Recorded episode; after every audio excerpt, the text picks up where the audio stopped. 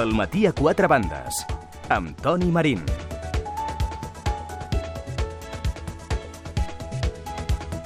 Les 10 i 6 minuts, aquí estem en directe a Ràdio 4 al matí a quatre bandes, amb un dia molt tranquil, evidentment es nota, eh, ja des de primera hora del matí quan parlàvem amb el Real Automòbil Club de Catalunya i ens deia que la situació a les carreteres era molt, molt, molt tranquil·la. Sembla que efectivament avui la majoria de gent, dic la majoria, això evidentment no respon a cap mena d'argument científic ni res per l'estil, eh? simplement una, una impressió és que avui la majoria de gent fa festa, fa pont. En Jaume no, Jaume Garcia, bon dia. Bon dia, Toni. Per, per aquí Lleida es veuen les botigues obertes, eh, molta gent pel carrer o poc moviment, també? No, no, sembla un dia de festa, eh, pràcticament. Sí, oi? Suposo que entre que hi ha gent que està treballant a aquestes hores i els que no treballen doncs, eh, dormint. estar dormint o Clar. han fotut al camp, els que hagin fet pont, doncs està tot molt tranquil. Bueno, està molt bé. Un dia perfecte per anar al cine, no? Sí, sí, per exemple. Jo, saps, estava plantejant-me avui Sí, anar a veure la pel·li del Bayona, que no l'he vist encara, sí. Que aquest cap de setmana he escoltat que s'ha convertit en la pel·li espanyola més taquillera de tota la història. Sí, sí, sí. Per sobre de Los Otros, de Menabar, no? I encara no ha arribat a la que es calcula que pot ser la meitat de la seva recaptació. Caram. Però, Sí. però que no li ha fet ombra ni, ni l'estrena James Bond, escoltava ahir. No, no, no, no, no. És un fenomen social. Una passada. Sí, sí. Home, és que mm, és una pel·lícula que s'ha publicitat molt bé Sí. a través de les cadenes de, de Telecinco, que és una de les productores de la pel·lícula, i que són set canals de televisió, és a dir que allà... Allà... Però no solament és això, eh? Jo diria No que és és el això. comentari. Tothom Clar. que va, tothom diu que quin pel·lículon, que... No? Clar, és que aquesta és la segona part. La primera, l'arrencada, és anar que, que hi vagi molta gent a veure-la. Però si a més a més et trobes amb una bona pel·lícula, cosa que no és gaire habitual, Ja. i menys encara en els darrers anys, doncs, eh, clar, això fa que la gent que li agrada el cinema vagi a veure, vagi a, a, a preu fet, no? És Sí, sí. allò, dius, ostres, ja que tothom diu que és tan bona, doncs vaig a veure aquesta pel·lícula. A Ja. més, hi ha un altre factor que s'ha de tenir en compte, és que en temps de crisi la gent va al cinema a veure tragèdies. Ah, sí? Sí. Jo diria que és més aviat que van a veure comèdies. Com a mínim, Doncs- al teatre passa això. Sí, doncs al cinema no. Al cinema els agrada veure que hi ha gent que ho passa pitjor que ells Ja, i surten reconfortats. No sé què dir-te. Bueno, és, està estudiat, és a dir... però això mirant les notícies cada dia ja ho tens. Sí, però és que les notícies tenen un efecte que tu estàs fotent un bistec Ja, i veus a gent que es mor de gana per les notícies i no t'afecta. ja. Vols dir que estem immunitzats davant les notícies i que, en canvi, potser la gran pantalla ens toca més? Mira, no ho sé, no ho Sí, sé. sí.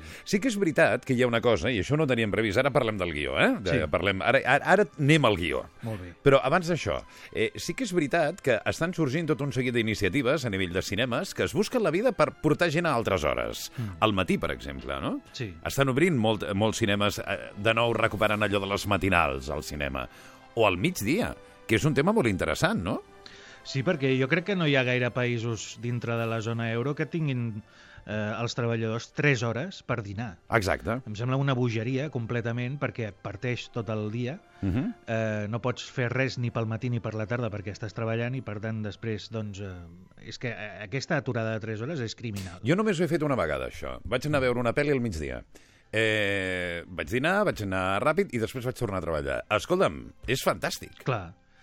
I si poguessis portar-te el fricandó i, i Al cinema, no? Al cinema, home, ja seria molt millor encara. Qüesti... No, no, no, és que això ja hi ha cinemes que, no el fricandó, però sí que l'esmorzar. Sí. fan una oferta especial d'esmorzar i pel·li conjunta.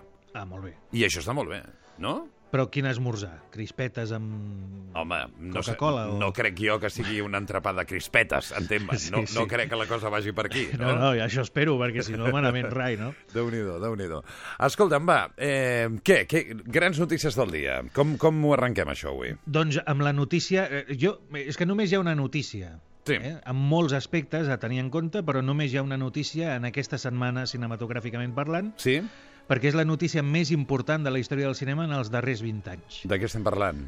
De la venda de Ah, la franquícia Star Wars i que la comprada de Walt Disney.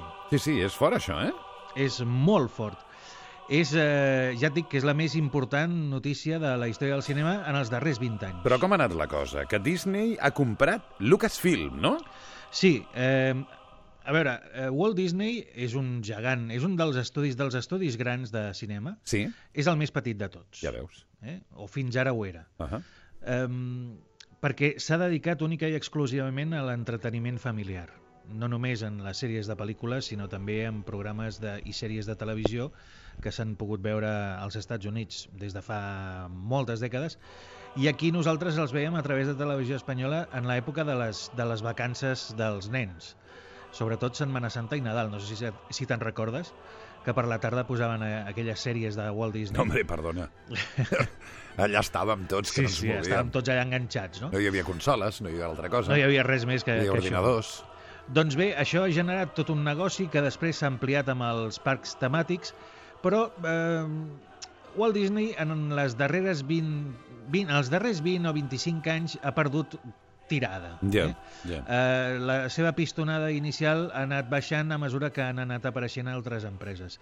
I ara Walt Disney, eh, amb el seu president Bob Iger al capdavant, el que està fent és comprar totes aquestes empreses que li han anat fent ombra per tornar a ser el número 1 mundial en el- l'entreteniment familiar. I de moment ho està fent molt bé. Doncs sí, perquè van començar comprant l'estudi de Jim Henson, que és el Ahà. creador de Los Tereñecos, Sí, ja veus. eh, amb la rana Gustavo i totes aquestes coses. Ahà.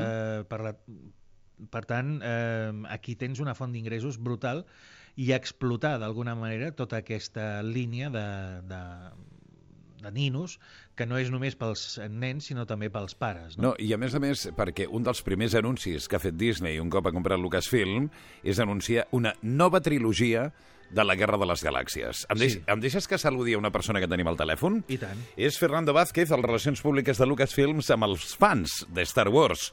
Fernando, què tal? Bon dia, buenos días. Hola, bon dia. Bon, di bon dia. Escolta'm, una nova trilogia de la Guerra de les Galàxies. Anunciar això és revolucionar-ho tot, no?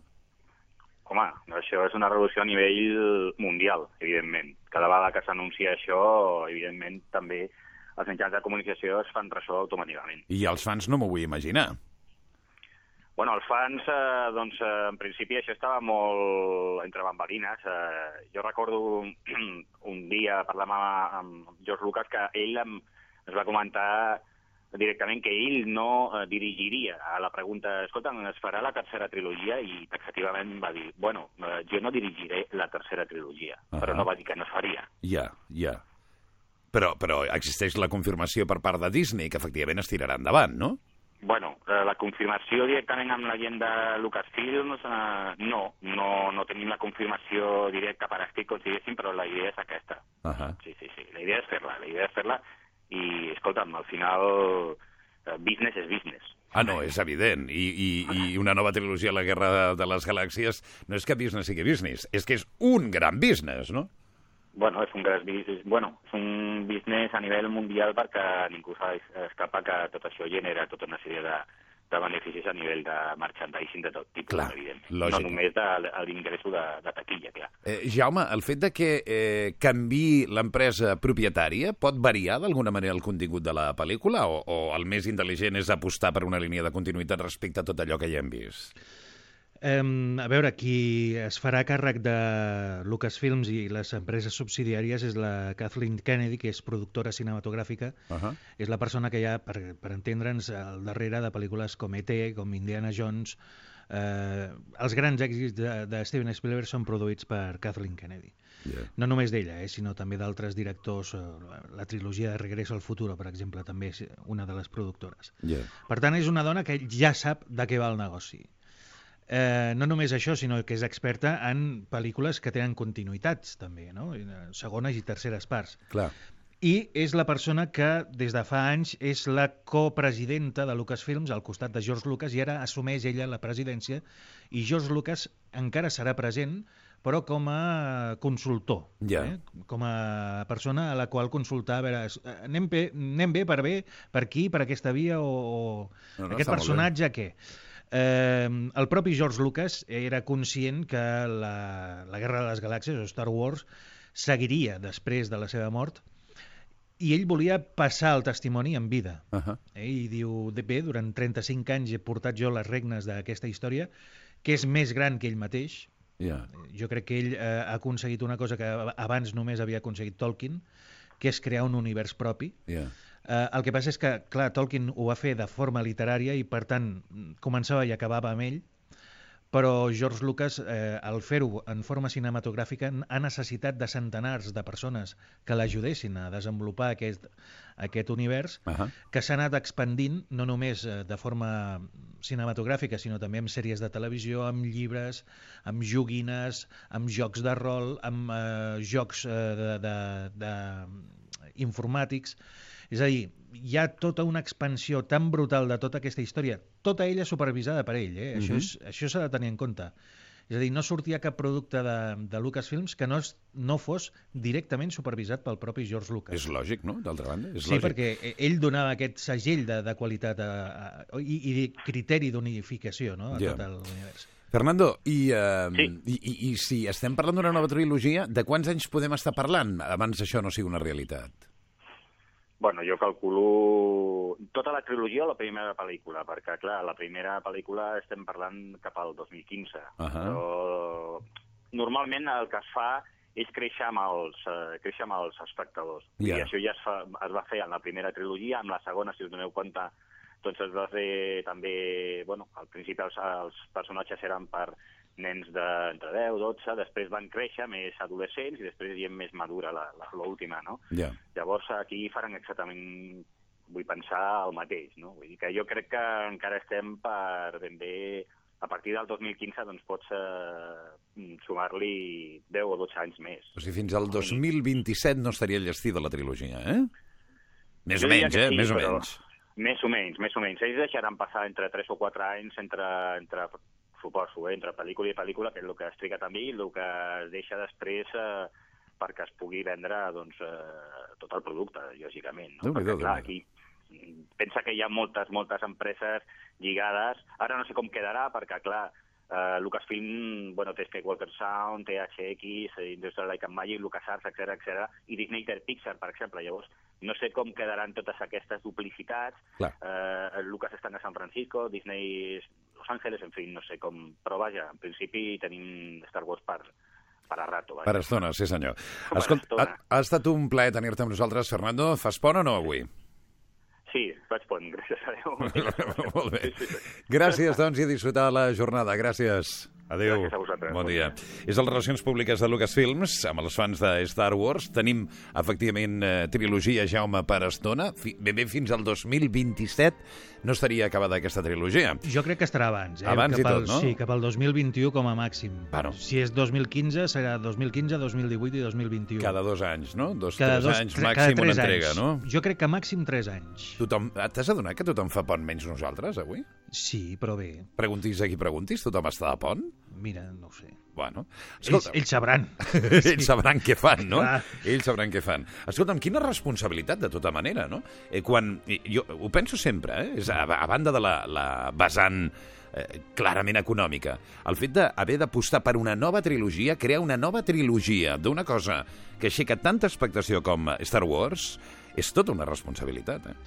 No només això, sinó que és, és, és eh, seguir eh, el testimoni d'una persona que durant 35 anys ha desenvolupat una història i ara a veure què fas. Si buscar una continuïtat Ahà. o buscar una altra forma, una altra manera d'explicar la mateixa història. Mhm. Jo crec que s'apostarà per la continuïtat, per buscar que hi hagi el mínim sotrac possible, perquè hi ha milions de persones arreu del món que tenen eh, Star Wars i el seu univers doncs com, com una part de si mateixos. Pensa que... Tu, per exemple, Jo, per exemple, però Quants llibres, perdona, eh, Jaume, quants Sí. llibres tens de Star Wars, tu? de només 156.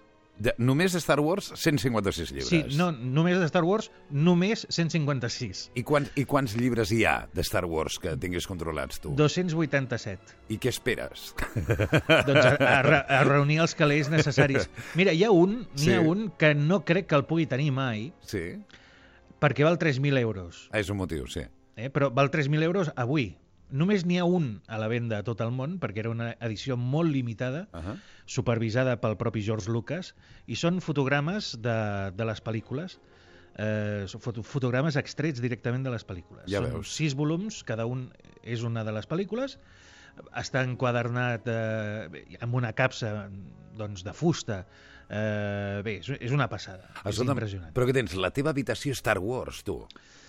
Tinc el meu despatx, en el qual hi ha la meva llibreria de cinema, i hi ha no només Star Wars, sinó hi ha altres... Eh, Però quan parlem de llibreria, parlem de Sí, llibreria. sí, sí, llibreria, llibreria. Ese pedazo de llibreria, per entendre'ns. No? Una més mica- aviat biblioteca. Bibli... Per això t'ho dic. A casa si només... meva és més aviat biblioteca. Sí. Però si només de Star Wars tens 156 llibres, coneixent de com et conec, jo imagino que de la resta... De Matrix deus tenir ben bé 3.000 o 4.000, Sí, no, per sí. exemple, no?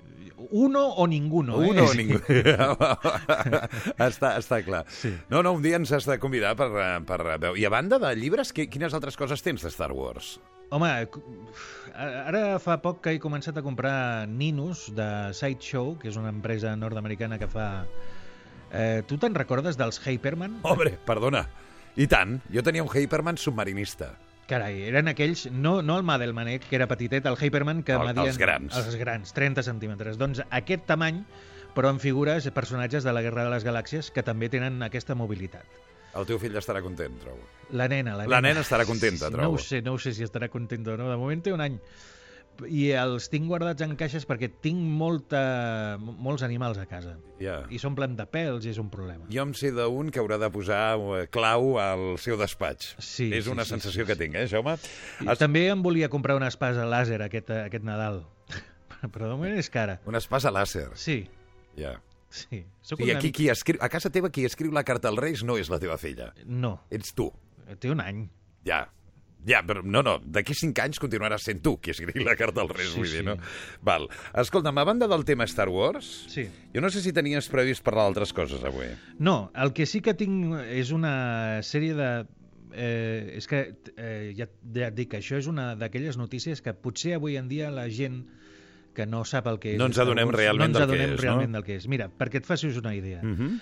eh, el negoci de Star Wars ha mogut en aquests 35 anys ha generat 27.000 milions de dòlars de benefici. 27.000 milions de dòlars. 27.000...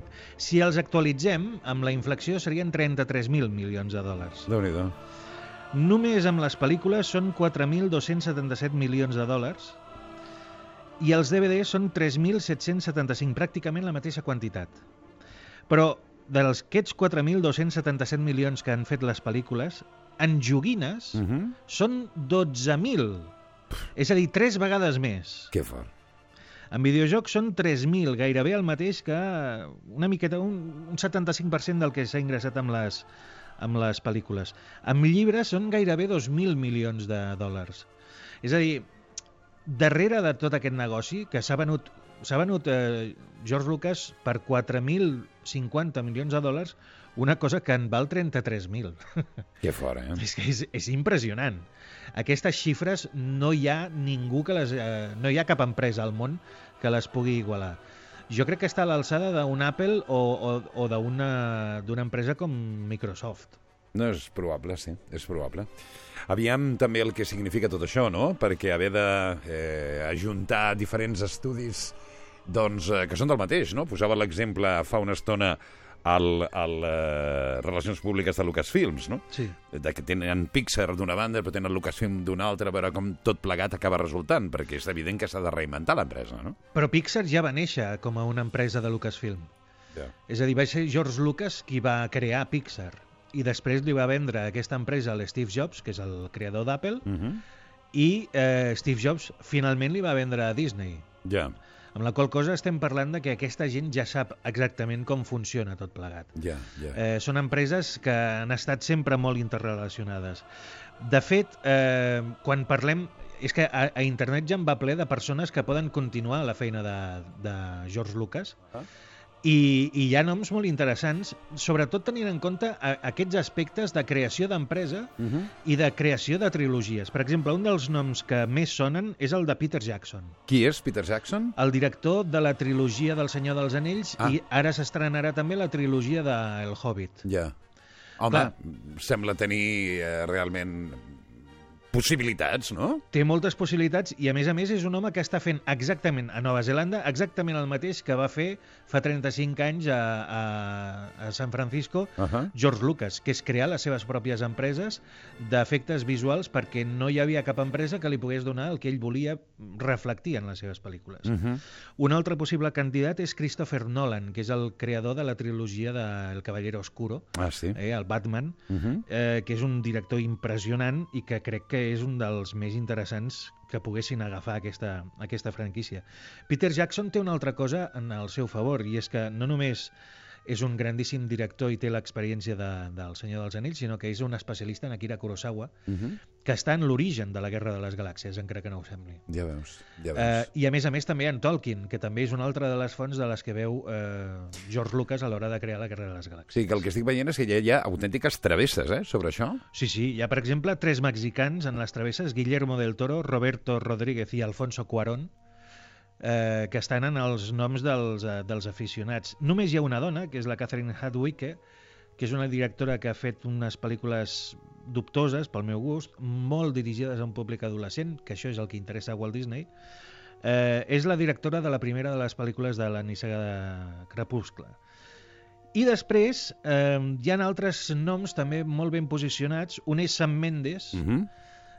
precisament per Skyfall, Sí. perquè ha sabut donar a James Bond una profunditat que el personatge no tenia. Un altre és David Yates, que és el director de les quatre darreres pel·lícules de les vuit de Harry Potter. Uh -huh. Fixa't que també és un altre univers que ha donat moltíssims calés. Sí, certament. És, eh, probablement és una de les poques franquícies que ha pogut arribar a fer-li ombra a, a Star Wars. I el tercer nom en discòrdia és Brad Bird, que a mi em sembla una aposta molt interessant perquè és un home que sap eh, com van aquestes coses perquè ell és el creador d'algunes de les millors pel·lícules de Pixar. És el creador de El gigante de hierro, que no és de Pixar, però sí Los Increïbles o Ahà. Ratatouille. Ah, doncs sí, home. I ara està fent la primera pel·lícula en personatges reals per Pixar, 1906, ambientada una pel·lícula que explicarà la història del terratrèmol de San Francisco. I també és una persona que sap com treure calés de, de, de qualsevol cosa perquè va ser el responsable dels guionistes i de la creació de les trames argumentals de 182 episodis dels Simpson. Déu-n'hi-do, eh? déu nhi Home, tot gent amb molta experiència, que no pot ser d'una altra manera, no? Sí, hi ha altres noms menys coneguts, com és Joss Whedon, que és el director de Los Vengadores, que és una autèntica sorpresa, i tampoc no podem eh, doncs, eh, descartar que busquin directors novells, però que despuntin per crear doncs, un llenguatge més nou o més... Eh, perquè la Kathleen Kennedy, que és la productora, tingui més poder a l'hora de poder dirigir eh, el- l'entrellat de la cosa. Clar. Escolta'm, ah, tot, tot plegat, el més probable és que ja s'estigui coent en aquests moments, no? Kathleen Kennedy l'altre dia, just un parell d'hores després de l'anunci de, la, de la venda, Uh eh, va donar una roda de premsa, eh, no, una entrevista exclusiva amb, un, amb una periodista nord-americana, amb el propi George Lucas, Sí. i ella va, de, va dir clarament que feia mesos que estaven parlant amb un parell de guionistes Uh -huh. de cara a la nova trilogia. Caram. És a dir, que no és una cosa improvisada, eh? és una cosa que ja porta temps coent-se i que el propi Mark Hamill, que és el- el- l'actor que va fer de Luke Skywalker a les tres primeres pel·lícules, va confessar que sí, que ell havia tingut aquesta reunió amb, eh, amb George Lucas. A més, tot s'ha de dir, s'està preparant una sèrie de televisió Uh -huh. amb personatges reals també, Ah, que s'estrenarà en, esperem, un, com a molt, un any. veig que l'Alexandra López eh, va sentint... Hola, Alexandra, bon dia. Hola, bon dia. Tal? al, al micro. Eh, que et sona molt tot això que ens està explicant Sí, el sí, Jaume, sí. no? Ets Sí, molt pro Star Wars, tu, o no? Sí, sí, sí. Una mica friki del tema. Una mica bastant. eh? No, no, li arribes, no li arribes a la sola a les sabates segur, al Jaume. No tant. L'has Sí. escoltat, no? Sí, que sí, té sí. 150... Quants eren? 156? 156, sí. 156 llibres de Star Wars. Es- Suposo que 158 perquè acabo de rebre un paper de correus que he d'anar a buscar. sí. Dos, clar, perquè la majoria d'aquests llibres els has de comprar per Amazon, m'imagino, als Estats Units o... o sí, sí, sí. no? Tot el que és eh, relatiu a les pel·lícules de cinema, això s'ha de comprar directament als Estats Units. Les novel·les procuro comprar-me les dues versions, la nord-americana Sí. i, la, i la traducció de les que han fet traducció, perquè no s'han traduït totes. Déu-n'hi-do, eh? déu nhi Alexandra, tu ets molt pro, pro Star Wars. Què et sembla aquesta idea, història de que Disney hagi comprat eh, George Lucas i puguin eh, tirar endavant aquesta nova trilogia. Jo el dia que es va fer l'anunci em vaig sor- sorprendre moltíssim, però moltíssim. No Sí? m'ho esperava, però gens. O sigui, va, estava veient el diari cap a la nit i Ahà. em vaig quedar de pedra. Que Ja no, no, no m'ho creia. Però sí que és veritat que el Lucas ha donat un puntazo amb això. La, és una de les coses que comentaven abans, que eh, les economies de Star Wars són increïbles. Jo, quan, quan es van estrenar les pel·lis i la trilogia, tothom es queixava de que per què um, George Lucas havia cedit els drets de distribució, Uh -huh. que era una cosa raríssima, estranyíssima, però ho va fer de conya, perquè on es feia el diners és realment amb el merchandising, la propaganda, els llibres... Clar. Tots els diners pràcticament s'han fet en, en seccions que no eren les pel·lícules, per ser. No sé què et sembla, Jaume. Sembla que li agrada una mica el cinema, no?, al, eh, al nostre convidat, a l'Alexandre. Sí, sí, sembla que sí, sembla que sí. Sí, no sé si a l'Alberto. Alberto, què tal? Bon dia. Hola, bon dia, A tu, Toni. a tu t'agrada també eh, tot el gènere Star Wars, tota la trilogia o no? Home, eh, forma part, jo crec que de la infància de tot el món, això de Star Wars. De fet, Però- de fet sí, tinguis l'edat que tinguis, però forma part de la, no? de la infantesa de tothom, és veritat. Exactament. I, I, bueno, a veure, no sé si sóc tan friki, podem dir, però, bueno, m'encanta, això està clar, ha tot el món. Bueno, la majoria de gent. Santi, tu què dius? Hola, bon dia, Santi. Hola, bon dia, totalment d'acord, eh? Forma part de la vida de tots, eh? una mica, des de la infantesa. És una pel·lícula que marca, no? Bueno, i ara, i que marcarà, perquè marcarà, anunciem nova trilogia en eh, breu, amb ganes de veure-ho o què? Eh, sí, i tant, i tant, Sí? i tant. Em sembla més una, un impacte així de mercat, més que una intenció de fer més, però bueno, bé. Rodrigo, tu què dius? Bon dia, Rodrigo. Bon dia. Què A mi dius? m'encanta Star Wars, però, però jo sóc de les tres primeres, de les, de les antigues, perquè crec que la- aquestes noves que han fet no, no estan a l'altura, ni molt menys. No? No. I, Ja- no. I no sé si tinc ganes de veure la, la pròxima. Ets un romàntic. Sí, sí, potser. Tu què dius, Jaume? Jo crec que les ganes les posarà les persones que estiguin al darrere. Ja. Eh? Si a mi em diuen que és Christopher Nolan o Peter Jackson el director de les següents eh, pel·lícules, jo hi vaig, però de cap. Ja. Ara, si em diuen que és eh, Pepe Le Mocó, doncs eh, potser m'ho pensaré. No, I no, aniré... no, no, no m'ho crec. no, Ah, i aniré, va, i clar, aniré, i tant que aniràs. I aniré el dia de l'estrena com amb les altres sis. Bé, de fet, a les altres nou. Sigui qui sigui el director, anirà sí. segur a l'estrena. Sí, sí. Però, eh, acabo de dir que hi ha nou pel·lícules de la Guerra de les Galàxies i no sis, eh? Sí, sí, és No veritat. sé si t'has adonat. És veritat, m'he adonat, m'he adonat. Perquè ningú no se'n recorda de The Clone Wars, que és la pel·lícula d'animació, ni de les dues pel·lícules dels Ewoks. Ah, és veritat, és veritat. Doncs mira, a dir, nosaltres ens hem recordat. Jaume, alguna altra cosa? Perquè hem d'anar acabant, vull dir. Sí, no, no, només dir adeu i que la força us acompanyi. Eh? De, de les pel·lis que estrenen aquesta setmana, què? què? Es van estrenar dimecres És i veritat. val més no parlar, eh? perquè... Has anat a veure alguna? O... No ni ganes. No n'hi ganes. No, perquè... No, però bon Per dia... què? És que dir... Per què s'entesten a estrenar coses d'ara? Si no saben fer cinema! Els directors d'avui en dia no han vist mai una pel·lícula! Però, Jaume, sisplau, quina edat tens tu? 43 anys! Doncs no fotem, no pots tenir un discurs d'aquestes característiques tan cal... Mira el Bayona, com li ha anat de bé. El Bayona ha vist molt cinema clàssic i això es nota! O sigui, que tu apostaries per reeditar Mujercitas, vaja. No, no perquè Mujercitas no m'ha agradat mai, ni, ni la novel·la ni cap de les versions que s'han fet. O sigui, on estigui allò que el vent s'endugué, que es tregui... Que es treguin moltes tonteries i tant, sí, sí. Molt bé, molt bé. En versió original, eh? perquè el, el, el doblatge que es va fer aquí era terrible. Ja. I, I Bond? Ha tingut un bon cap de setmana, no? Sí, Sí, I, el- i, i espero que en tingui més, perquè la pel·lícula veritablement està molt bé. Ja. Una abraçada, eh, Jaume? Gràcies igualment. Fins la setmana vinent. Heu vist? Heu anat a veure la nova pel·li de James Bond o encara no? No, jo no, jo No? no. no. No, Argo. Vaig Uh, encara no he vist, he vist l'impossible, però la setmana que ve. L'impossible què? Perquè rècord de rècords, eh, aquest cap de setmana. És una pel·lícula que vaig eh, tenir, vaig somiar amb la pel·lícula... En sèrio? Ah, sí, la mateixa nit. És, és bastant traumàtica, eh? Vull dir, sobretot per eh, l'àudio, a la pel·lícula és, és impressionant, perquè crec que el director el que va fer és que va imitar exactament el que tu sents eh, quan estàs en un tsunami. Mhm. Llavors és impressionant. No? Et sents com si el tsunami eh, t'estigués eh, empassant. L'altre dia explicàvem que hi havia molta gent que s'havia marejat i fins i tot desmaiat veient la, la pel·lícula. Eh, tu, davant eh, la pel·li, entens que efectivament arribi a crear aquestes reaccions? A veure, eh, Sí, digues, digues, perdona. Eh, hi ha moments on veritablement eh, és que hi ha eh, el volum eh, augmenta d'una manera que et fa por i, per a veure, que tampoc eh, em vaig sentir com eh, si la pel·lícula m'anassi a posseir. Ja, ja m'imagino que no. Les 10 i 35 minuts, que macos els de la ràdio que us fan aixecar-vos d'hora un dia de pont per anar a, a parlar una mica, no? El Santi se'l veu encara d'estar molt content, no? Mm, sí, molt content. Sí. sí, sí, i tant, i tant. Perquè avui no, no treballeu, no estudieu, No, avui... fa- jo faig pont, sí. Tu fas Jo pont. tinc universitat, eh, avui, tinc Ah, anar a classe. Has d'anar a classe després? Sí, sí, sí. Que la ESADE és eh, l'única universitat que, que no fa pont.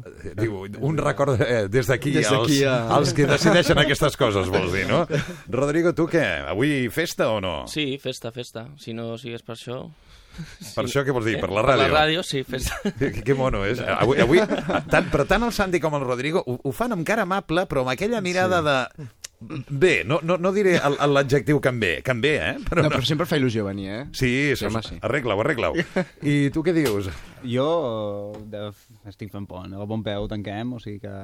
Nah, i re, re, ja, jo he deixat de treballar aquest diumenge, Sí? ai, aquest di- dimecres, i ja està. Molt bé.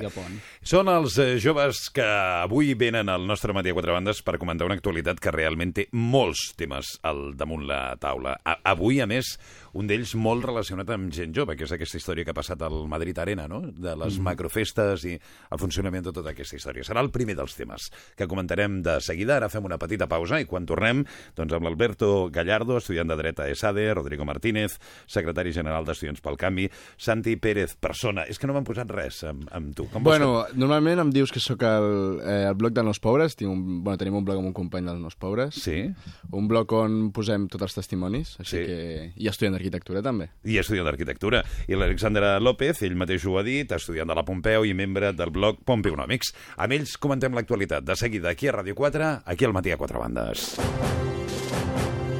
Som traficants de somnis. Va de cine. Un espai on encara es pot somiar.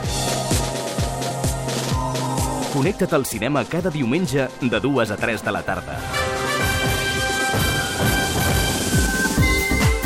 Directe al cor del cinema. Va de cine a Ràdio 4.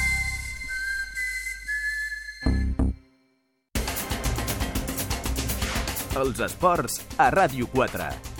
Un repàs a l'actualitat esportiva del dia amb informació i entrevistes. Ràdio 4 sempre amb l'esport català. De dilluns a divendres, entre les dues i dos quarts de tres de la tarda, els esports a Ràdio 4. La primera en català.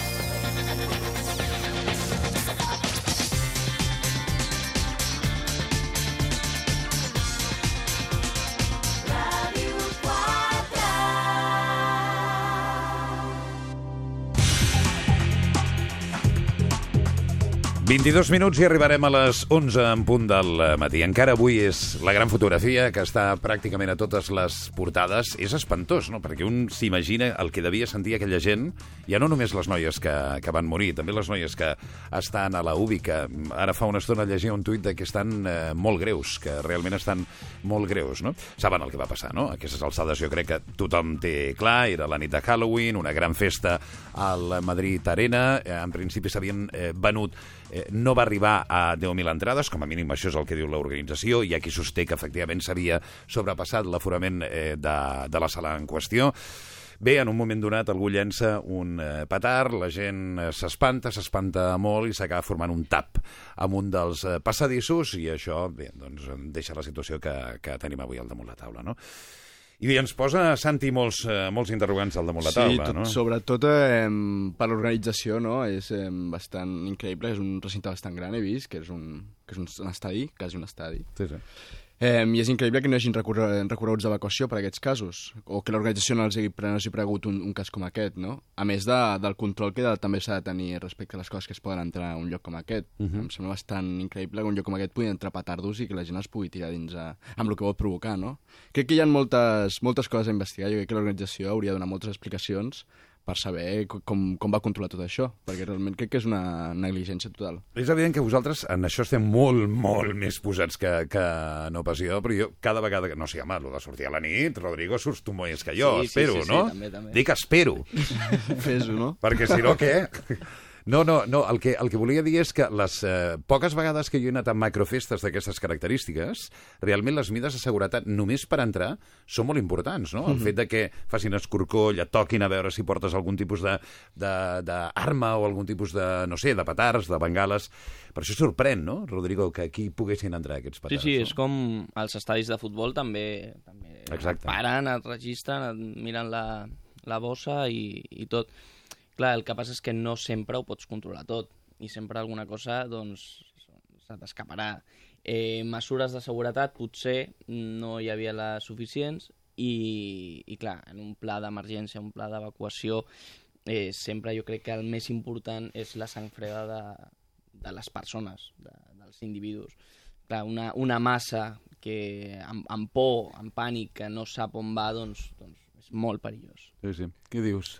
Sí, a veure, eh, jo tinc, jo penso el mateix que tu, però sobretot penso, a veure, era bueno, un concert de música electrònica que, que estava Steve Aoki, imagina't, doncs 10.000 persones borratxes, eh, bueno, la majoria drogades, i, i després l'accident, al petard, tot això, doncs llavors, pu...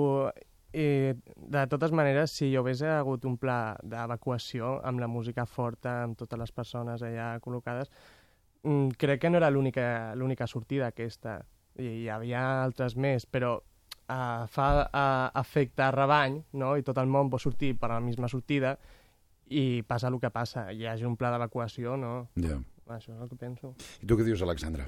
Home, a mi em sembla que és una situació increïble. Vull dir, aquestes desgràcies normalment passen, però ens pija molt de fort, és una situació molt complicada, estem... Diguem-ne que la gent no està en les seves millors condicions com per reaccionar amb, amb, una, amb una catàstrofe o d'aquest tipus, i òbviament els de seguretat sempre, sempre, sempre, sempre, sempre estan en aquest tipus de festes mm, com dir-lo, desorganitzats perquè és que no arriben mai a tanta gent. Sabeu en qui pensava jo aquest matí? I ja sé que, que el, el bombin, no? Però la persona que va tirar el petard, eh, com qui va disparar una vegada una bengala a l'estadi de l'Espanyol, Espanyol, us en sí, recordeu sí, que sí, va sí. acabar matant eh, un nano? Un És evident, que la, dic jo, eh, no ho sé, no sé com ho veieu, que les intencions d'aquella persona no és provocar això, Òbviament. però sap que això està prohibit, no? Sí, sí, com, sí. com es deu sentir aquesta persona? No? tantes coses prohibides que, que fem tots o, o, o podríem fer. Jo crec que, que aquesta persona, doncs, no sé, això que deies, no? aniria borratxa o, o no estàs de festa i doncs fas coses que no et dones compte. Ja, jo no sé quin grau de culpabilitat té, no? És, si és un irresponsable per això, ho serà també per altres coses. Sí, jo, jo estic totalment d'acord amb tot el que s'ha dit, de que, òbviament, les circumstàncies eren molt difícils, però precisament per això jo crec que hauria de ser... Això se sabia, no?, que podia haver passat, i que al final sempre s'ha de tenir molta responsabilitat muntar una cosa com aquesta, perquè tothom sabem com va la gent en llocs com aquest i, i que s'hauria d'haver sapigut, no? Que, que no que hi hagués una, un petardo, però que situacions d'emergència sempre s'han de preveure, jo crec. Mira, per fer la gracieta van morir tres noies. Clar, clar, I totalment. això ara eh, es té que buscar responsabilitats. En... A veure, tenia que ser les responsabilitats del club, bueno, de, de l'organització, perquè són ells els responsables de mirar les motxilles, els DNIs, etc i no ho van fer, i va, i va morir tres noies. Que el que ho va fer, a lo millor tindria que anar a presó, però ara la, la responsabilitat en un primer moment té que ser de l'organització. Mhm. I els seus amics, a lo millor també. Sí, també. Però suposo que no seria l'únic que sabia que portava petards, no? Què dius, Alexandra? Home, és una nit de confusió, pràcticament ningú se n'entera, jo he vist contradiccions eh, en totes les declaracions de la gent que ha sortit a la tele, potser sí. a la 1 dient una cosa, a TV3 sortia una altra persona dient una altra cosa, una nit molt confusa, s'ha de prendre la situació una mica amb temps, analitzar què ha passat i veure si es poden treure responsabilitats. Òbviament el club eh, eh, o els organitzadors tenen una responsabilitat directa que jo crec que no es pot evitar de cap manera, uh, havien d'haver fet la seva feina i no l'han feta, i, però la persona que, que va llançar el petardo i que va causar tot aquest follon, uh, bàsicament a mi se'm cauria la cara de vergonya i estaria davant de la comissaria ara mateix. I tant, us agraden aquestes festes a vosaltres o no? No, a mi no, a mi no, eh? Jo no sóc de macrofestes. Jo no. sóc més tranquil, també. Sí? Uh, home, si vas amb els teus... No, no, perdona, Això és relatiu. Ahir, no? Perdona, perdona, perdona. Si jo m'he d'apuntar a un grup, jo me'n vaig amb tu, eh? Vull dir... o sigui, no et tallis, no et tallis. Eh, He estat en un concert de Steve Aoki i, bueno, és impressionant i crec que si hagués estat a Madrid eh, segurament anés anat a aquest lloc. Llavors, a veure, Jo a mi sí que m'apuntaria. m'agrada. Què dius? Jo m'apuntaria, Tu definitivament. t'apun- t'apuntaries a una festa com aquestes, no? És curiós perquè aquesta és una d'aquelles coses que la, la gent, ja més de la meva edat, no? O, o una mica més gran, jo perquè sóc una mica estrany amb, amb això, però ho veuen i no ho acaben d'entendre. Dir, però aquesta és una manera de divertir-se, música electrònica, eh, amb tan poc espai... No sé si us passa eh, quan parleu amb gent més gran que... Quina manera de divertir-vos que teniu, no? Us passa això o no? És que el meu pare, sobretot, em diu però a veure, a la meva època, eh, si volíem lligar amb una noia, la mu amb la música podíem parlar amb No ella, és el i ara- millor lloc per lligar, No això estem millor d'acord, no? No, no, no, amb això això estem d'acord, no? No, solament per divertir-se amb els amics. Exacte. Sí, Alexandre, tu penses el mateix o no? Sí, a veure, i és un salt generacional, però ens ho vam passar... Jo dimecres passat m'ho vaig passar molt bé. Què vas fer dimecres? Vaig anar a una sala d'aquí al costat, que tothom coneix, i, i bueno, vam estar fins a les vas 7 de la matinada. vols dir, no? No, no, és que no hi ha massa més, no? Per aquí al costat. Està molt bé, Sí, està va estar molt bé. molt bé, la festa de Halloween va estar molt bé. Eh, tres quarts i un minut eh, d'onze. És eh, una de les notícies, sens dubte, del, del dia. Hi ha moltes més. Hi ha, hi ha una història eh, que- aquest matí que ens eh, cridava l'atenció. Segur que heu sentit a parlar del tema aquest del vídeo de la Generalitat. No sé si vosaltres voleu parlar d'algun tema en concret, per cert, que no us ho he preguntat avui, o, o què? Bueno, jo, jo tinc un... Bueno, crec que aquesta, aquesta setmana s'ha donat una dada bastant, bastant important. Vinga, que doncs remarcar. comencem amb això. Digues. Eh, que dintre d'un any es, es, es calcula que hi haurà més d'un milió de desnonaments eh, en, en aquest país. Això vol dir quasi un milió de famílies i això vol dir molts milions de persones al carrer i que no s'hagi fet res respecte a això per mi és mm, una, una cosa vergonyosa i realment una crisi que s'hauria d'actuar ara mateix. Per mi és eh, que hi hagi més de bueno, no, sé, no sé quanta gent pot arribar a estar al carrer, però podem calcular quasi 4 milions de persones sense casa i que a més eh, es tornen morosos, que no poden re reestructurar la seva vida, eh, per mi em sembla vergonyós, em sembla molt important de tractar-ho. I que no s'ha tractat, s'ha tractat una mica així per, per sobre, però crec que és molt important això. Eh, eh, fa pocs dies parlàvem de com efectivament s'estan recollint ja eh, signatures en aquests moments per tal de portar tota aquesta qüestió al Congrés espanyol i que efectivament s'abordi no? el tema de la dació en pagament, que és en definitiva el que, el que estàs comentant. Com, com ho veieu vosaltres, la resta, aquest tema? Home, Sí, sí, digues, digues, digues. Digues, digues, digues. Uh, jo crec que és un problema molt important a la societat espanyola, bàsicament perquè mm, no, no et pots establir com una família, com un, no pots tenir una família pràcticament sense una, una, llar, una casa. No pots uh, dir que vius en una casa sense tenir-la en propietat, és a dir, tenim la, aquest canvi cultural de dir, bueno, me'n vaig a viure sol, me'n vaig amb una casa meva. Uh -huh. És a dir, vaig una, demano una hipoteca de 40 anys, de 35 anys, què ha passat? Que a la situació econòmica actual i amb una taxa d'atur del 25 pujant encara més, eh, no, no la podem pagar. Clar, ens trobem en la situació de que molta gent que abans tenia la possibilitat de pagar eh, la, seva, la seva hipoteca ja no pot. Uh -huh. Això és un problema gravíssim. I aquí, al sistema espanyol legal, no tenim la dació en pago com a, com a possibilitat. És una cosa que s'hauria de donar. És a dir, tu, tot i donar la teva casa, encara tens més du- eh, deute que pagar.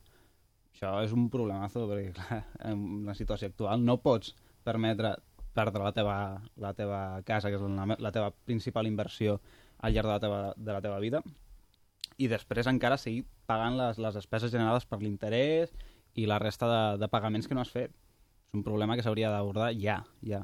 Com ho veus tu, Alberto? Mira, bueno, hi havia una opció dels bancs, que era que si tu no podies pagar la teva hipoteca, eh, diguéssim que la teva casa passava a ser del banc, però et feien un, un alquiler de la casa a low cost.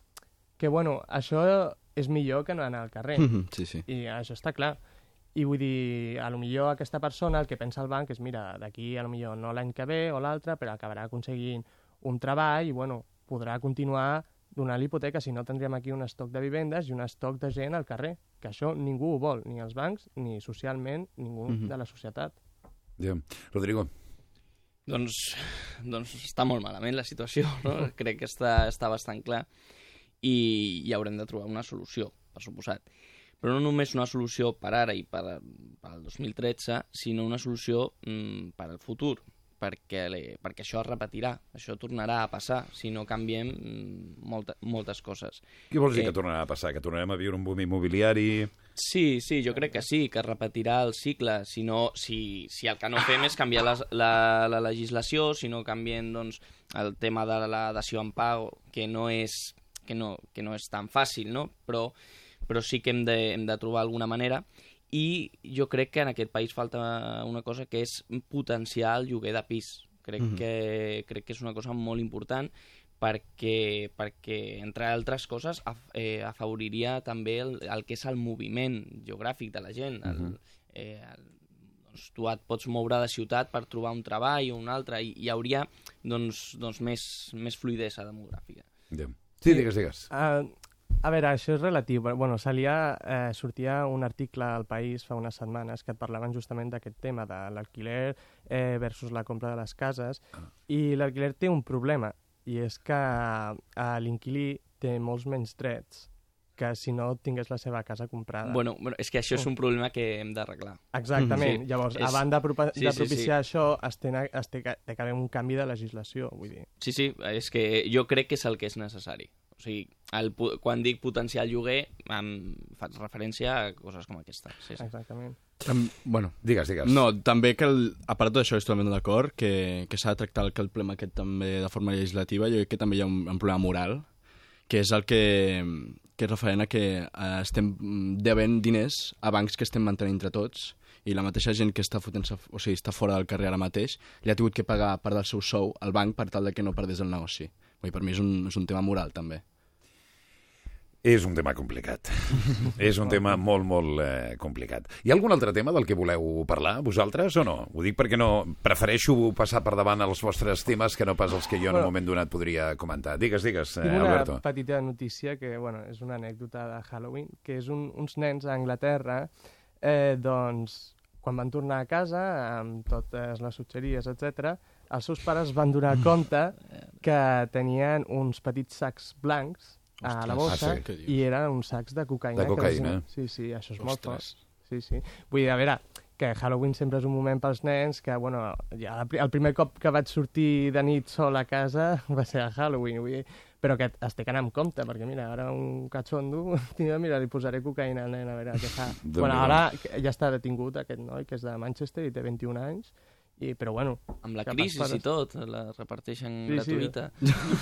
sí. Diu, amb la crisi i tot. dosi s'invita Ah, a la casa, no? L'única cosa que tu t'estranya d'aquesta notícia és que la reparteixin en època de crisi. Sí. Està bé. No deixa de ser curiós. Escolteu, en època de crisi hem conegut dues dades, eh, ho comentàvem aquest matí, que a mi m'han cridat molt l'atenció. Un, i, i, i, i, i sobretot perquè en un dels casos mm, jo hi treballo en aquest món i em sembla mm, molts diners. Eh, l'espot eh, contractat per la Generalitat de Catalunya per tal d'incentivar la participació, 271.000 euros. Deia el eh, portaveu del govern l'altre dia, Francesc Homs, que en realitat tenen 100.000 euros menys del que havia costat l'anterior, però i que aquesta quantitat també inclouria el que seria el pagament dels mitjans de comunicació, que això serien uns 100.000 euros. Per tant, 170.000 euros en un spot que d'aquí una estona li preguntarem al Camil Roca, el nostre expert en publicitat, si realment és normal o no que costi aquests diners. A mi em sembla absolutament excessiu perquè si heu vist l'espot estem parlant eh, d'un seguit de planos amb, amb imatges eh, de fons, vull dir, ja està, no, no, no té cap altra complicació, no? I, i d'altra banda, aquesta és una, i d'altra banda és el Congrés dels Diputats, eh, perdó, el Senat, que ha estrenat una nova plana web que costarà, quan diríeu que costa una plana? 488.000 No, però tu ho saps. Gràcies. Però tu ho saps, tu ho saps. És que m'explicaven aquest matí el Vicent Sánchez que eh, una plana web ara mateix es pot fer per uns 3.000 euros Ah, molt bé. que és el preu de mercat, vindria a ser uns 3.000 euros. Que si és molt complexa, posant llarg, 15.000 euros. Aquesta ha costat 438.000 euros. Déu-n'hi-do, no? Home, Déu-n'hi-do. Déu-n'hi-do, sí. Sí. Déu-n'hi-do, I, I potser el pitjor de tot és que, és que mai es castigarà això.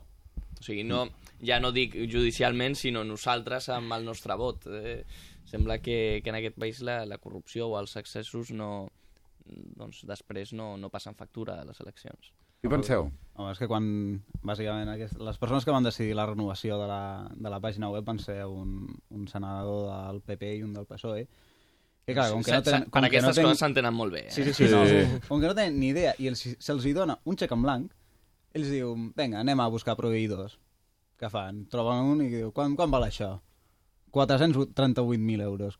Collonut, vinga, contractem. No, no, no. A mi no- a mi no em fa- em fa l'efecte que no va ser així, no és, eh? No és exactament així, no. És quan costa això? 200. Ah, doncs molt bé, doncs, és, doncs eh, posa 400 i 200 per mi, 200 per tu i tots... O, Bueno, o, o a veure, a que... veure, això són teories que No, no, no, tenim però- proves. No, això, no, però- no, no, no és són cert. teories, això... Això va Això passar. passa, això però són no se sap això Però se sap que passa també no que, que, que es fan a dit aquestes coses, també. És a dir, els concursos públics mm, no funcionen molt bé en aquest país, sempre són, la majoria són a dit, encara que siguin públics, encara que tothom es presenti, ja des del principi saben a qui li donaran el premi. Però això és un dubte raonable o estàs segur? Perquè jo, Home, jo mm. la gent que conec que es presenta... T'ho dic en sèrio, eh? La gent que conec que es presenta a concursos públics diu que són super seriosos. Jo, en el meu, en el meu sector, que és de l'arquitectura, no, vull, no vull dir que passi sempre ni que sempre ha sigut així, però jo sé d'alguns casos que se sabia qui li donarien el concurs abans de Ja. abans d'obrir el plaç. Per tant, Sí, sí, sí, sí, que no, són no. coses que passen. Vull dir que Bueno, pot ser que hagués passat, eh? Jo no dic que hagués passat. públiques a certes posicions de,